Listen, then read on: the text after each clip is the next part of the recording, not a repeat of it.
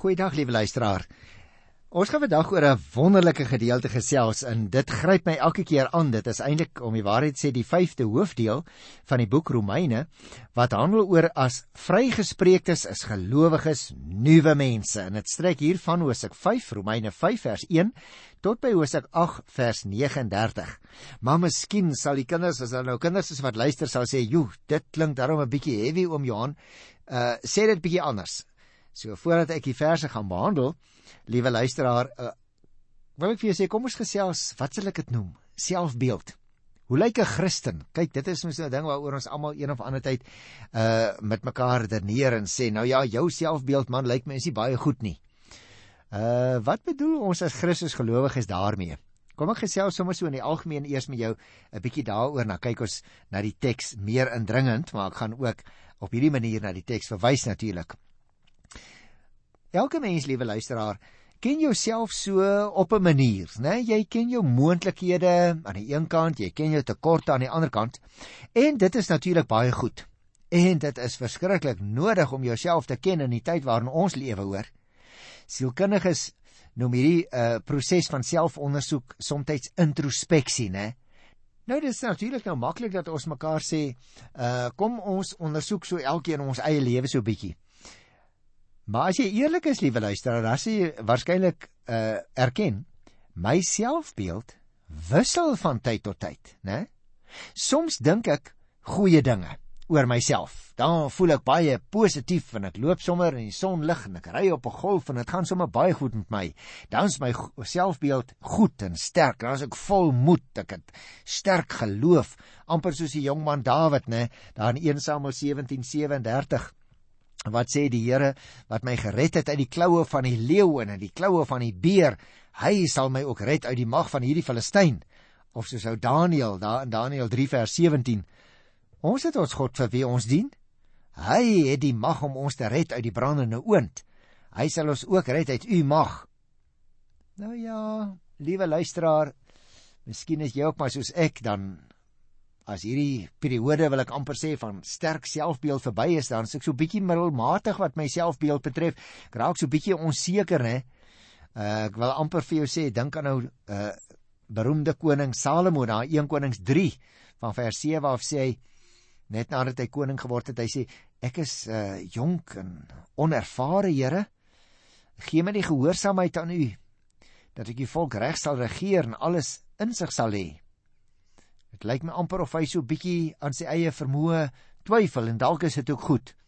Maar liewe luisteraars, afgesien van 'n sterk selfbeeld of so middelmatig, kan 'n mens soms regtig sommer 'n swak selfbeeld hê. Hé, dan is jy heeltemal negatief, né? Uh dink aan Jeremia, daar in Jeremia 1 vers 6, hy sê: "Ag Here my God, ek kan nie goed praat nie. Ek is nog te jonk." Selfs die profeet Elia toe hy daar onder die besembos gelê het, wens hy dat hy mag sterwe. 1 Konings 19 vers 4 sê dit kry. Nou is dit genoeg, Here. Neem my lewe, want ek is niks beter as my voorvaders nie. Nou luisteraars, iewers hier tussen beweeg jou en my selfbeeld ook maar van tyd tot tyd. Goed of middelmatig of sleg. Selfbeeld wissel natuurlik ook na gelang van omstandighede of miskien na gelang van jou gesondheidssituasie of ook jou suksesse en nederlae. Dit het 'n bepaalde invloed op 'n mens se selfbeeld. Gewoonlik is ons selfbeeld daarom taamlik konstant, sou ek sê. En miskien kan jy dalk na ons program vandag luister en sê ag broer Jan, ek is soos Dawid man, my selfbeeld is baie sterk en positief vandag. Ek is lus vir die lewe, ek het sommer energie om reuse te takel. Miskien ry jy in jou motor en jy sê ja, Ek voel omtrent soos ou Salomo, so 'n gemiddelmatige selfbeeld vandag. Ek eh, ja natuurlik is ek gelowig, ja, maar ek is nou ook nie eintlik so 'n uh, waffer se dink vandag wat ek oor myself het nie. So ag man, jy weet, ek voel so laat God se water tog maar oor God se akker loop gesindheid uh is in my hart uh op hierdie dag. Miskien is daar selfs iemand wat soos Elia daar onder 'n besembos lê, baie swak selfbeeld, eintlik negatief dat jy sê ag broer Johan ek luister hy program maar wens ek was eintlik liewer dood dit beteken tog niks vir niemand nie ek het geen uitsig op môre nie die lewe is regtig nie meer vir my die moeite werd nie luister luisteraar Ons moet soms introspeksie hou, ja. Ek moet soms myself ook afvra wat ek nou eintlik van myself dink en hoe ek vir myself lyk. Maar as jy 'n Christen is, luisteraar, is dit nou nie regtig van die allergrootste belang hoe jy jouself sien nie. Want vir die Christusgelowige is die allerbelangrikste vraag seker, hoe lyk ek vir God? Wat sê God van my? Hoe lyk my beeld vir hom as hy daarna kyk? En wie jy, hieroor is die Bybel nogal vol verrassings.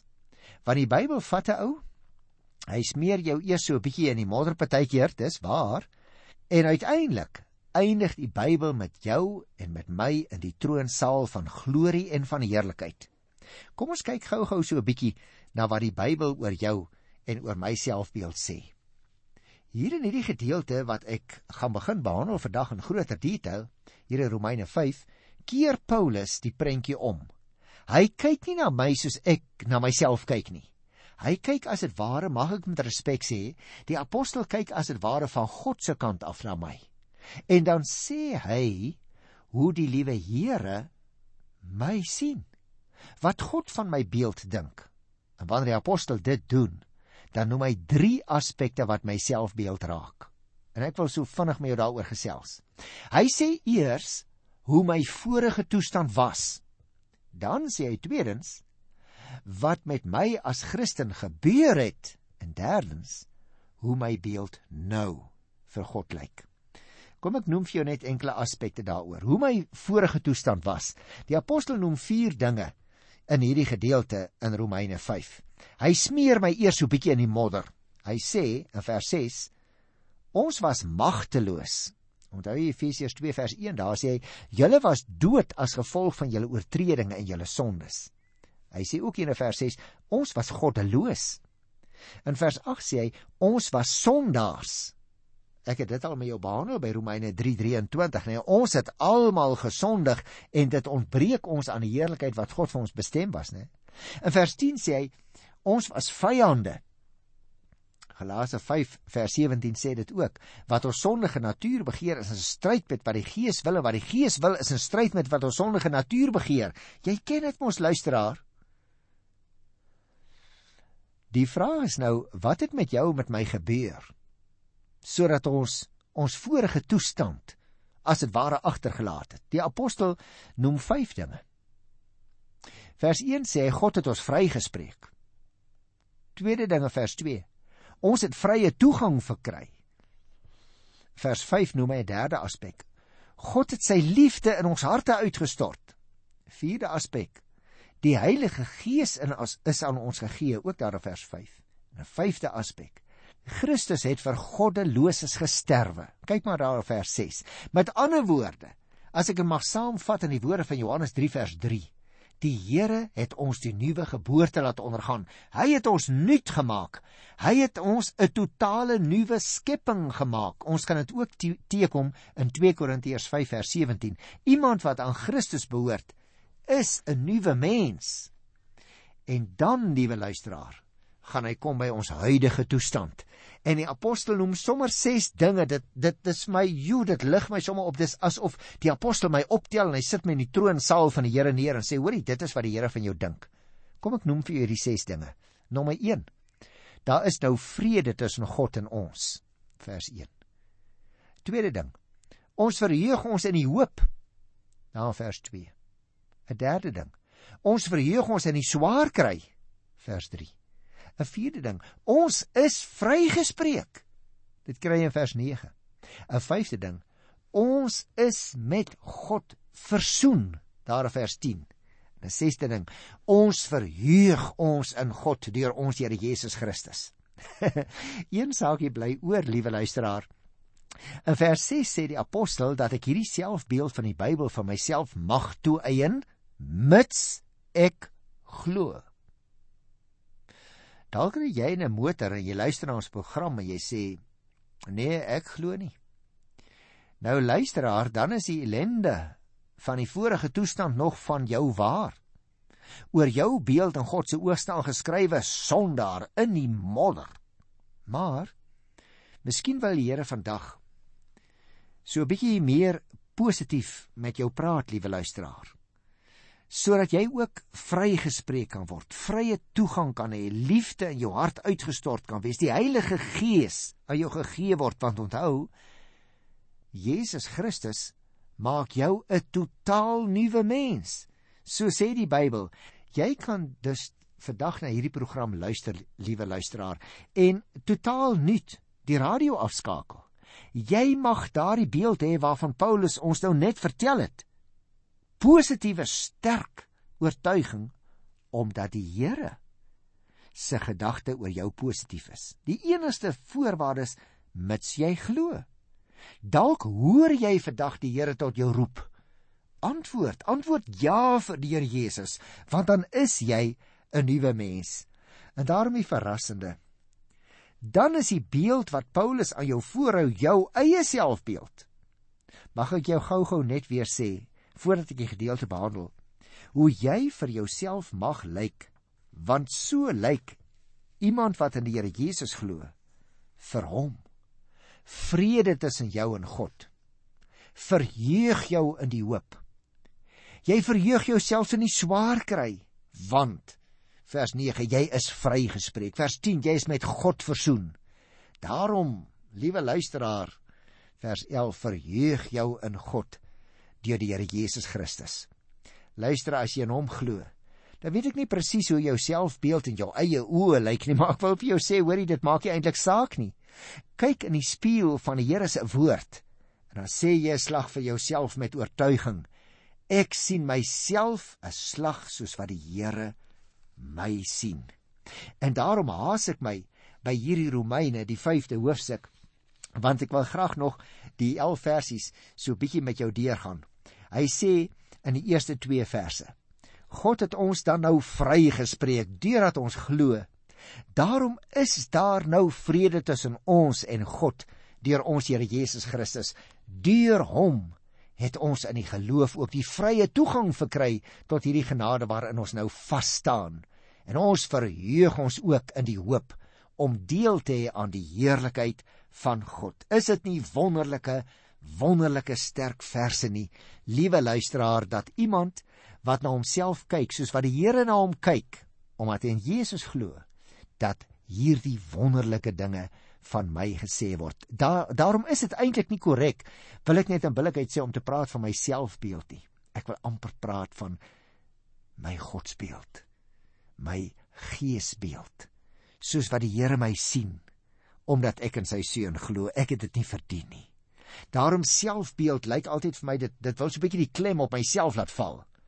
Geesbeeld lyk vir my wil na vore bring luisteraar dit wat die gees van die Here met my maak en in my doen elke dag. Luister net na vers 3 en 4. Dit is slegs nie al nie.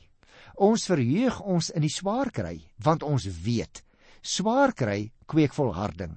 Volharding kweek egtheid van geloof en egtheid van geloof kweek hoop. O, as jy dalk een van die ouens is wat al ewig swaarmoedig is, al ewig kerm en kla, dan sê hierdie gedeelte van my wat 'n geesbeeld van die Here ontvang het uit genade. Man, hou op met kla. Laat dan iets van hierdie positiewe dinge wat die Here aan jou gedoen het, laat iets daarvan afvryf in jou omgang met mense. Want liewe luisteraar, luister na vers 5 en hoop beskaam nie want God het sy liefde in ons harte uitgestort deur die Heilige Gees wat hy aan ons gegee het. Jy sien, die Christen se hoop is maar net 'n reënboog wat skielik verskyn en na so rukkie verdwyn hy weer nie. Want dit is nie iets wat die mens homself wys gemaak het nie, maar God, sê vers 5, het sy liefde in ons harte uitgestort deur die Heilige Gees.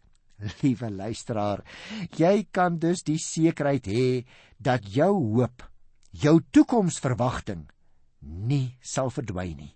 Hoe swaar dit in die hede met jou gaan, hoe sekerder sal jy weet dat wat God beloof het, waar sal word. En daarom lyk dit vir my asof die apostel hier in die volgende paar verse as dit ware so kort opsem opsommingkie vir ons gee en ek wil hê ons moet luister na daardie opsomming. Want jy gaan sien, hy begin hierso in vers 6 met toe ons nog magteloos was, het Christus immers. Le, sien jy daai immers? Nou hierdie immers in die 6ste vers is baie belangrik luisteraars, want daarmee dui die apostel aan dat wat hy nou van vers 6 af gaan begin doen, is om die rede te gee waarom ons hoop nie beskaam nie. Hy redeneer op 'n baie interessante manier, jy moet oplet. Hy wil oor die toekoms praat, maar nou begin hy by die verlede en hy wys hoe God in die verlede ten spyte van die feit dat jy die ewige dood verdien het, aan jou vryspraak gegee het. En nou is Paulus se dood eenvoudig argument. As God in die verlede vir jou omgegee het en jou uit liefde gered het, hoeveel te meer sal hy jou nie ook in die toekoms in sy hand hou nie. Hy het immers sy seun gegee om jou te kom vryspreek en daarom is jy nou kosbaar. So kosbaar dat jou veiligheid gewaarborg is. Die apostel sê elke keer as jy weer onseker voel oor jou toekoms, herinner jouself daaraan dat God jou liefgehad het nog voordat jy jou tot hom bekeer het. En dan sê jy besef, soos my vryspraak nie van myself nie, maar van God afhang het. So hang my behoud in die toekoms ook nie van my eie swak vermoë af nie, maar van hom. En hy het sy liefde vir my klaar bewys in sy seun.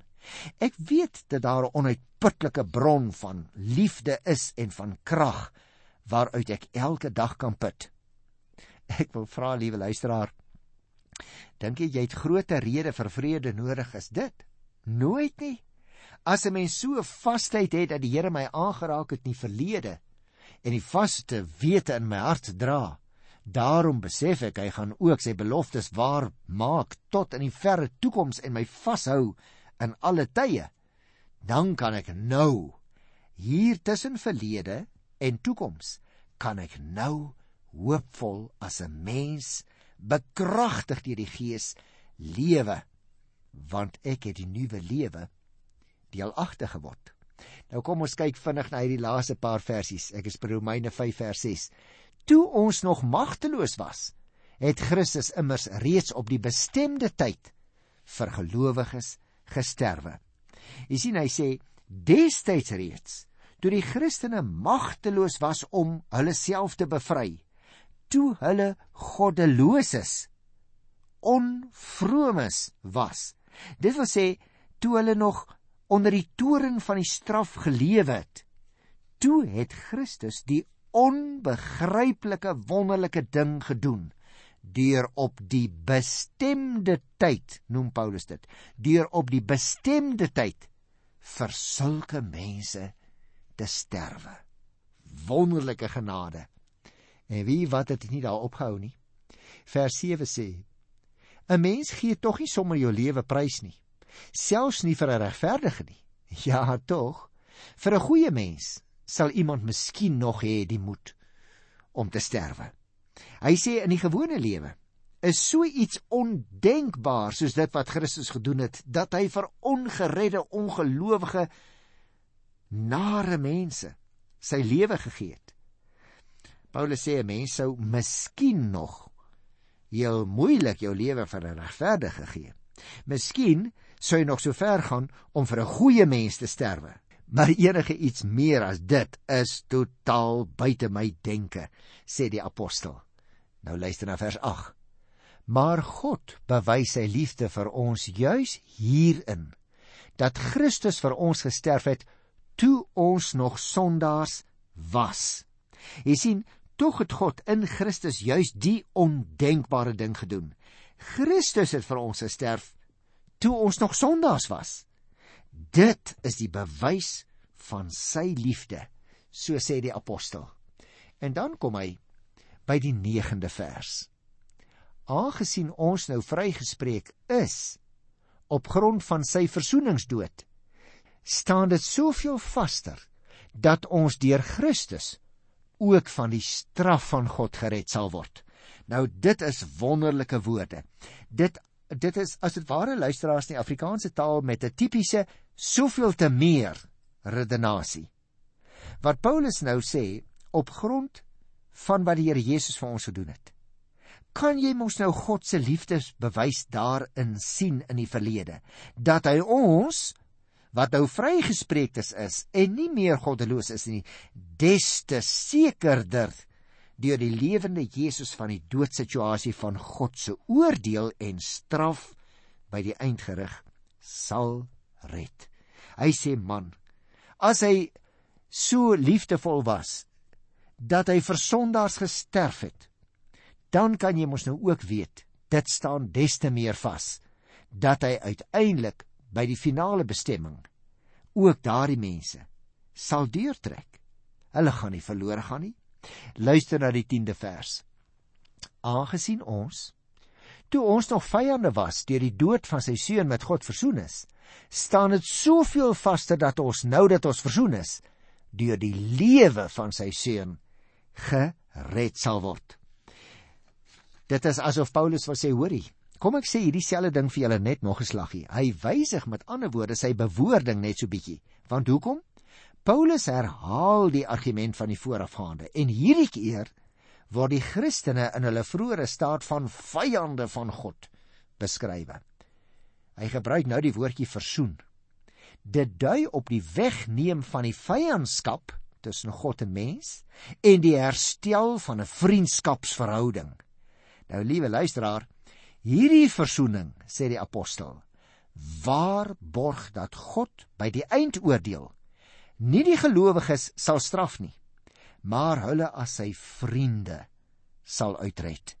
Die gestorwe Jesus het alreeds die versoening bewerk. Die lewende Jesus sal vir hulle die eindbevryding intree. En daarom sluit hy af met die 11de vers wat 'n baie sterk versie is hier in Romeine 5. Luister 'n bietjie. Maar dit is nog nie al nie. Ons verheug ons ook in God deur ons Here Jesus Christus, deur wie ons nou die verzoening ontvang het. Jy sien, liewe luisteraar, ons gaan nie eendag die verzoening ontvang nie.